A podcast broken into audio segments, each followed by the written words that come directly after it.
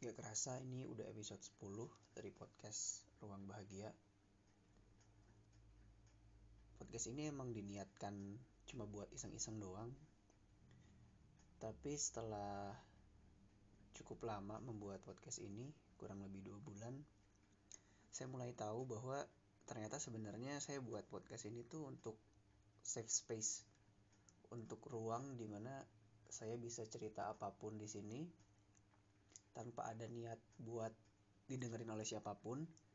Jadi intinya podcast ini memang dibuat untuk safe space, untuk saya bisa bercerita apa pun tanpa ada judgement, tanpa ada komentar yang tidak mengenakan dari pihak lain. Gak peduli ada yang denger atau enggak. Buktinya di dua episode terakhir, episode 8 sama 9 itu gak ada yang denger sama sekali tapi saya tetap jalan karena saya pikir ini sebuah metode yang saya lakukan supaya saya bisa tetap waras, bisa tetap menjaga mental saya supaya tetap sehat. Banyak banget hal yang membuat mental saya cukup sedih. Ya enggak, mental nggak sedih pokoknya intinya mental saya ini kurang baik mental saya tidak berada dalam kondisi yang prima. Banyak emosi yang negatif sedih marah merasa kesepian dan emosi-emosi negatif lainnya. Karena banyak hal yang ada di luar kendali saya yang saya rasa fokus saya malah tertarik ke situ gitu. Padahal sebetulnya hal-hal yang ada di luar kendali saya itu harus tidak perlu dipikirkan terlalu banyak atau istilahnya energinya lebih baik dipusatkan ke hal-hal yang ada dalam kendali saya.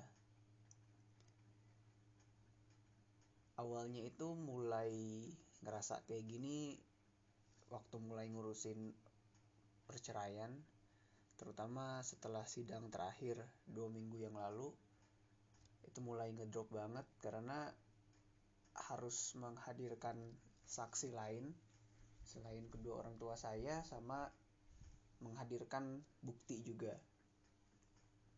Di situ sempat drop karena ngerasa nggak sanggup buat menghadirkan saksi sama bukti. Tapi besoknya satu hari setelah sidang kedua itu sudah mulai bisa tenang mencari orang yang bisa jadi saksi mencari orang yang jadi buk yang mau datang untuk jadi saksi dan mencari bukti yang bisa dihadirkan di persidangan. Tapi masalah nggak berhenti sampai di situ. Setelah ada dapat saksinya sama bukti-buktinya eh masih belum ada kepastian tanggal sidang selanjutnya kapan.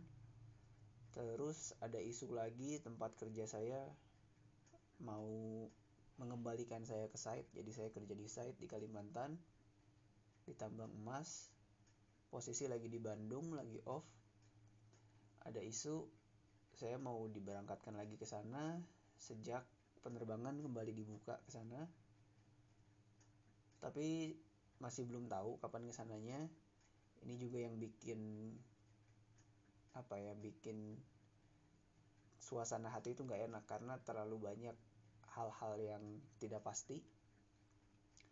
Kemudian ada isu juga nanti rosternya berubah jadi 8 minggu kerja terus 4 minggu cuti. Dan ini mungkin akan mempengaruhi proses pengadilan, proses persidangan perceraian ini.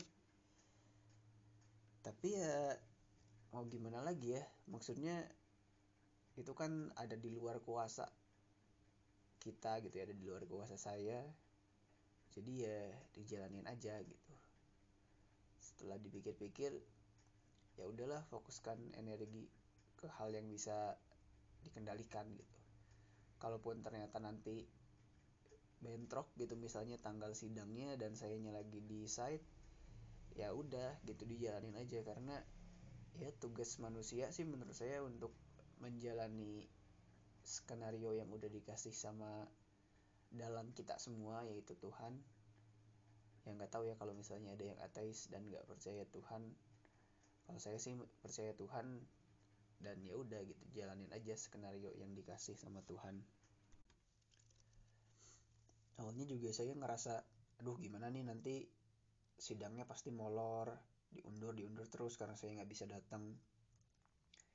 Tapi ya setelah dipikir-pikir ya mungkin kalau emang bukan mungkin sih kalau menurut saya pasti. Kalau em, kalau pas kalau sidangnya diundur pasti ya ini udah seizin Tuhan saya gitu. Pasti ada hal yang harus saya pelajari hal yang bisa saya petik dari mundurnya sidang itu kalaupun sidangnya ternyata diundur.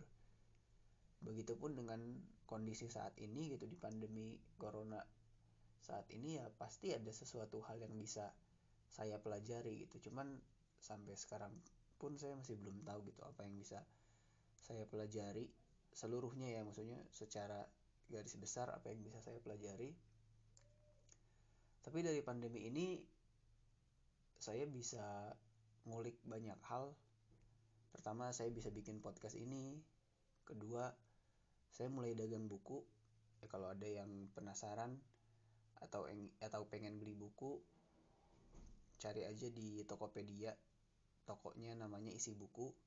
Atau cek di, di Twitter saya Iqbal Pas. Di situ juga banyak share tentang dagangan saya. Terus setelah itu juga saya lebih bersyukur sih di pandemi ini saya ada di rumah orang tua. Bisa lebih banyak berinteraksi dengan orang-orang rumah dengan orang tua dengan adik-adik banyak hal yang bisa dilakukan bersama. Ketika nggak bisa keluar rumah nggak bisa taraweh di luar eh nggak bisa taraweh di masjid nggak bisa buka bersama ternyata taraweh di rumah itu cukup melekatkan karena semua anggota keluarga ikut taraweh. Terus yang cowok gantian jadi imam yang cewek gantian pimpin doa. Ada banyak interaksi yang akhirnya terjadi di situ. Kemudian juga saya mulai ikut turun ke dapur ya meskipun saya sebenarnya nggak bisa masak. Tapi saya ngerasa pengen aja gitu pengen ngulik. Akhirnya coba-coba bikin salad. Ya meskipun menurut saya basic banget gitu maksudnya cuma potong-potong doang sama bikin dressingnya. Nggak terlalu rumit sampai harus masak atau goreng atau kukus atau bakar gitu-gitu. Tapi cukup puas karena bisa menyalurkan keinginan untuk membuat sesuatu dan bisa dibagi ke orang lain gitu. Ya meskipun uh, taste atau selera tiap orang di rumah ini beda. Kayak ayah saya lebih suka rasa yang manis adik saya yang perempuan lebih suka rasa yang pedas intinya meskipun taste-nya beda-beda tapi ya saya coba bikin salad yang agak netral supaya bisa dimakan sama semua orang. Ya meskipun ujung-ujungnya cuma makan dikit-dikit doang sih karena nggak terlalu suka sama makanannya. Dan akhirnya saya lagi yang ngabisin. Tapi saya tetap mensyukuri hal-hal itu gitu. Di pandemi ini juga mungkin timbul banyak kekhawatiran. Saya juga sendiri ya karena itu tadi karena lagi proses perceraian jadi di kamar sendirian ya ngerasa sepi.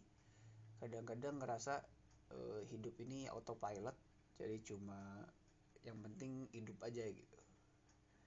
Tapi kalau dilihat lagi ya ternyata ini sebuah kemajuan buat saya gitu sebagai orang yang pernah dan masih berpikiran untuk bunuh diri atau punya suicidal thought ini ternyata sebuah kemajuan gitu kalau dilihat-lihat lagi.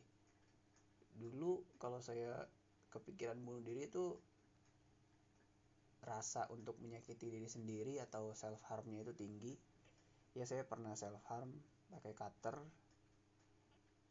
Rasa itu masih ada tapi cuma berakhir dirasa gitu loh. Saya biarkan pikiran itu ada di sana. Saya kadang-kadang ngebayangin gimana proses mengakhiri diri sendiri. Kadang-kadang kepikiran loncat dari jembatan gitu ke sungai. Atau misalnya nembak kepala pakai pistol. Atau misalnya minum racun. Tapi ya itu disadari aja disadari dan tetap ada di kontainer itu gitu tetap ada di dalam pikiran aja tidak sampai keluar dan dieksekusi. Ya menurut saya itu sebuah kemajuan. Saya nggak tahu apakah suicidal thought ini bisa hilang atau enggak tapi yang saya rasakan sekarang dia masih ada ada di sana tapi tidak sampai keluar untuk menjadi sebuah perbuatan yang nyata kemudian saya juga merasa bersyukur banyak orang yang ternyata melihat fenomena ini sebagai sebuah kesempatan untuk eksplorasi diri. Ya banyaklah ada orang yang uh, masak-masak ada orang yang mencoba hobi baru.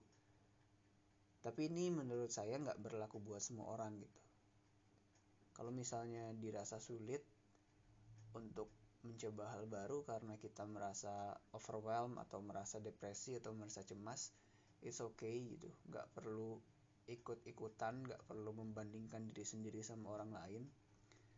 Tugas kita tuh nggak sama dengan tugas orang lain. Ada orang yang bisa berkembang di pandemi ini ada orang yang bisa biasa aja di pandemi ini ada orang yang semakin ke-trigger mungkin emosi-emosinya. Setiap orang berbeda. Jadi kalau misalnya kita merasa biasa aja kita bisa bertahan di kondisi ini aja menurut saya itu udah hebat. Kita bisa survive kita tidak berada dalam kondisi yang menyakiti diri sendiri atau menyakiti orang lain atau tenggelam dalam emosi negatif menurut saya itu udah hebat. Nggak perlu membandingkan diri sendiri dengan orang lain karena setiap orang itu unik setiap orang itu berbeda. Setiap orang akan punya jalan hidupnya masing-masing. Toh setiap orang start dari titik yang berbeda menjalani jalur yang berbeda dan mungkin finishnya juga beda-beda gitu ya. Kita nggak akan pernah tahu kita finishnya kapan. Jadi menurut saya jalani aja gitu. Hari ini nggak perlu jauh-jauh pikirin besok. Apalagi buat orang yang kayak saya yang nggak tahu besok mau apa. Terus tahun dua tahun lagi tiga tahun lagi lima sepuluh dua puluh tahun lagi mau apa ya saya fokus ke hari ini aja gitu. Hari ini mau ngapain ada orang yang bisa dibantu bantu. Kalau misalnya timbul pikiran untuk nyakitin orang lain coba diidentifikasi kenapa keinginan itu timbul. Dan kalau bisa ya dialihkan gitu jangan sampai menyakiti orang lain. Karena ya kita nggak pernah tahu gitu tujuan kita hidup itu apa? Ya mungkin sebagian orang udah tahu apa yang dia cari di hidup ini apa yang mau dia lakukan hari ini besok setahun dua tahun dan beberapa puluh tahun ke depan. Itu menurut saya orang-orang yang hebat karena saya pun masih belum bisa kayak gitu. Saya masih mencari tahu sebetulnya saya itu mau mengarah ke mana besok mau ngapain terus ntar mau hidup kayak apa mau menghasilkan apa di dunia ini. Intinya jalin aja hari ini. Semoga kita semua bisa melewati pandemi ini dan selalu bisa berbuat baik kepada sesama siapa pun itu apa pun latar belakangnya apa pun sukunya agamanya rasnya kita selalu bisa berbuat baik tanpa memandang orang itu dari golongan mana atau mempunyai preferensi tertentu terhadap suatu hal siapa pun berhak untuk mendapatkan kebaikan dan siapa pun kita pasti kita bisa untuk berbuat baik. Sampai jumpa di episode minggu depan.